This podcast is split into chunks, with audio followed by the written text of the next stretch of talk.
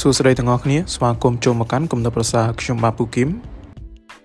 សម្រាប់ប្រធានបទនៅ EP នេះគឺមនុស្សដែលមានកម្លាំងផ្លូវចិត្តខ្លាំងពួកគេមិនខ្លាចទទួលការបថុយដែលគណនាហើយនោះទេដែលខ្ញុំបានដកស្រង់ចេញពីសភៅ13យ៉ាង ដែលមនុស្សមានកម្លាំងផ្លូវចិត្តខ្លាំងមិនធ្វើពួកយើងទាំងអស់តែងតែជួបការបថុយជាច្រើននៅក្នុងជីវិតមិនថាហិរញ្ញវត្ថុរូបរាងកាយអារម្មណ៍សង្គមឬក៏អាជីវកម្មនោះទេ ហើយមនុស្សភាគច្រើនដែលតែងតែជៀសវាងការបថុយហ្នឹងគឺព្រោះតែខ្លាចហើយរូបភាពរបស់អ្នកខ្លាចការបថុយហ្នឹងមានដូចជាទី1មានការពិបាកក្នុងការសម្រេចចិត្តរឿងសំខាន់នៅក្នុងជីវិតខ្លួនឯងហើយទី2ចំណាយពេលច្រើនក្នុងការសម័យអំពីអ្វីដែលចង់ធ្វើប៉ុន្តែមិនព្រមធ្វើសោះទី3ការពិតទៅយើងអាចធ្វើការមានភាពរំភើបជាងនេះ និងពិបាកជាងនេះប៉ុន្តែយើងខ្លាច ទី4នៅពេលគិតពីការបថុយគឺសម័យទៅហេតុការដែលអាក្រក់អាក្រក់ជាងគេទេ ហើយទី5នោះរាល់ការសម្រេចចិត្តគឺផ្អែកទៅលើការបថុយបើសិនជាបថុយខ្លាំងហើយគឺអត់ធ្វើតែម្ដងហើយនឹងចុងក្រោយទី6នោះគិតថាលទ្ធផលសំខាន់គឺផ្អែកទៅលើសំណាងទេហើយបើសិនជាយើងសង្កេតឲ្យច្បាស់លើ6ចំណុចនេះយើងនឹងដឹងថាមានហេតុផលមួយដូចគ្នានោះគឺការភ័យខ្លាចតែការភ័យខ្លាចនេះគឺមានប្រភពចេញពី ការខ្វះខាតនៃចំណេះដឹងអំពីរបៀបនៃការវិភាគលើការបថុយដែលជាហេតុធ្វើឲ្យយើងព្យាយាមកិច្ចវេះពីការធ្វើសកម្មភាពផ្សេងផ្សេងមនុស្សយើងគឺធ្វើការសម្រេចចិត្តផ្អែកលើអារម្មណ៍ជាងហេតុផលដែលបញ្ហាបន្ទាប់នោះគឺយើងតែងតែយល់ច្រឡំរវាងភាពភ័យខ្លាចហើយនិងការបថុយជារឿយៗ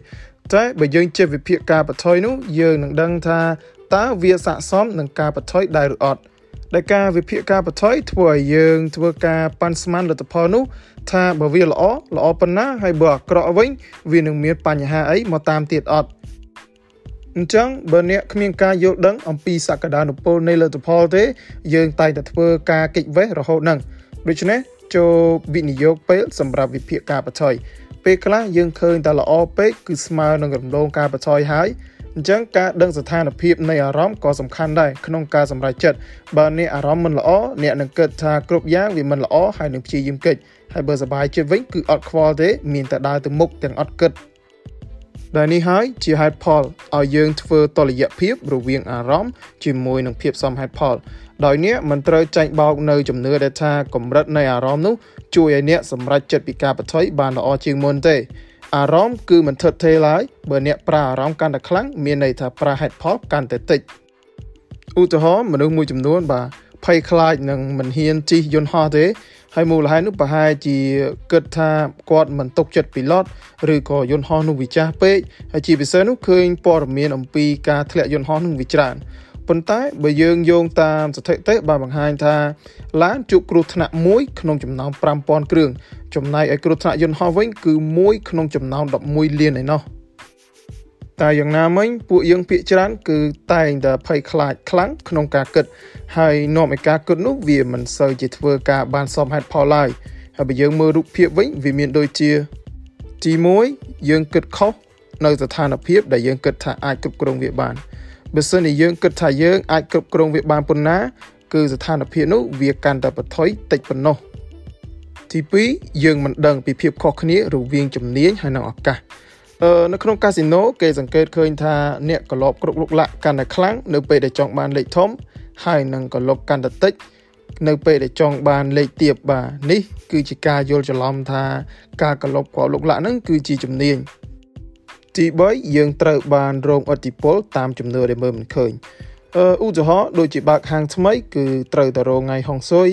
ឬក៏មុននឹងចេញពីផ្ទះអីបើសិនជាឃើញស្ត្រីមេម៉ាយ4នាក់អីគឺហាមចេញឲ្យឆ្ងាយជាដើមហើយបើយើងមើលការពុតនោះគឺវាអត់តាក់ទងគ្នាសោះទី4យើងងាយស្រួលបញ្ចុះបញ្ចូលពេលឃើញប្រយោជន៍ធំ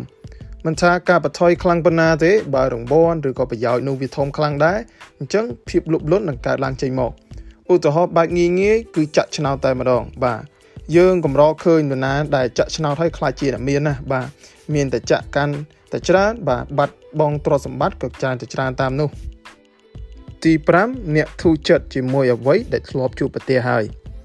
ការជួបការបថុយកាន់តែច្រើន យើងនឹងឃើញថាវាមានហានិភ័យកាន់តែតិចដែលនេះហើយគឺជាឫសគល់នៃការមើងងាយឬក៏មើលស្រាលស្ថានភាពកើតឡើង ឧឧទាហរណ៍នោះគឺយើងដូចធ្លាប់ជាឮពាក្យចាស់ចាស់គេតែងតែនិយាយថាអឺខ្លាំងអីស្លាប់នឹងនឹងឯងហើយនឹងទី6នោះគឺ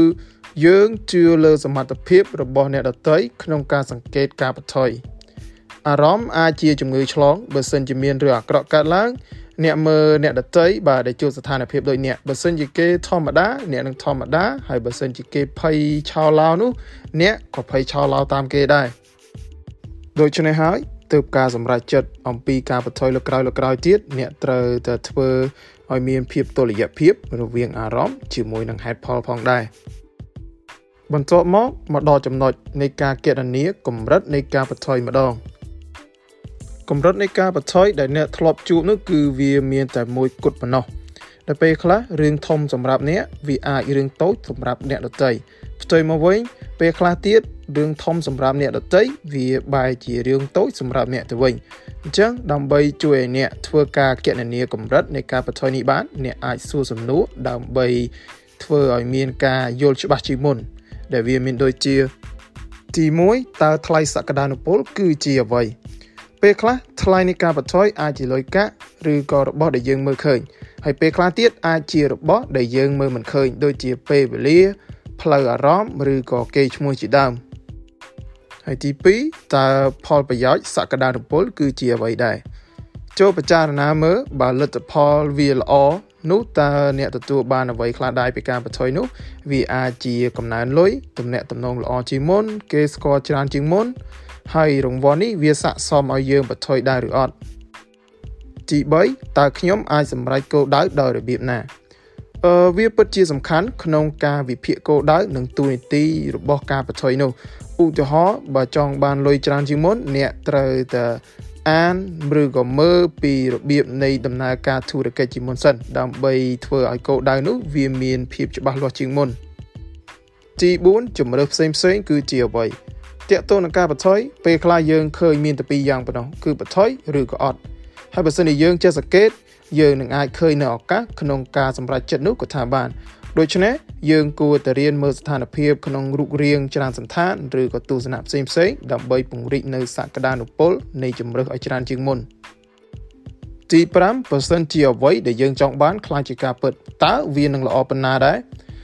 សាកសម័យលោមើលមើលអំពីជីវិតរបស់អ្នកតើវារងឥទ្ធិពលប៉ុណ្ណាហើយជីវិតរបស់អ្នកនឹងផ្លាស់ប្ដូរទៅជាអ្វីដែរបើសិនជារឿងនោះវាជារឿងពិតមែនអញ្ចឹងចូលសម័យដែលមានការរំពឹងទុកថាវាសមហេតុផលផងទី6តើអ្វីទៅជារឿងអាក្រក់ដែលអាចកើតឡើងហើយខ្ញុំអាចដោះស្រាយវាដោយរបៀបណា វាក៏សំខាន់ដែរក្នុងការវិភាគនៅស្ថានភាពអាក្រក់អាក្រក់ដែលអាចកើតឡើង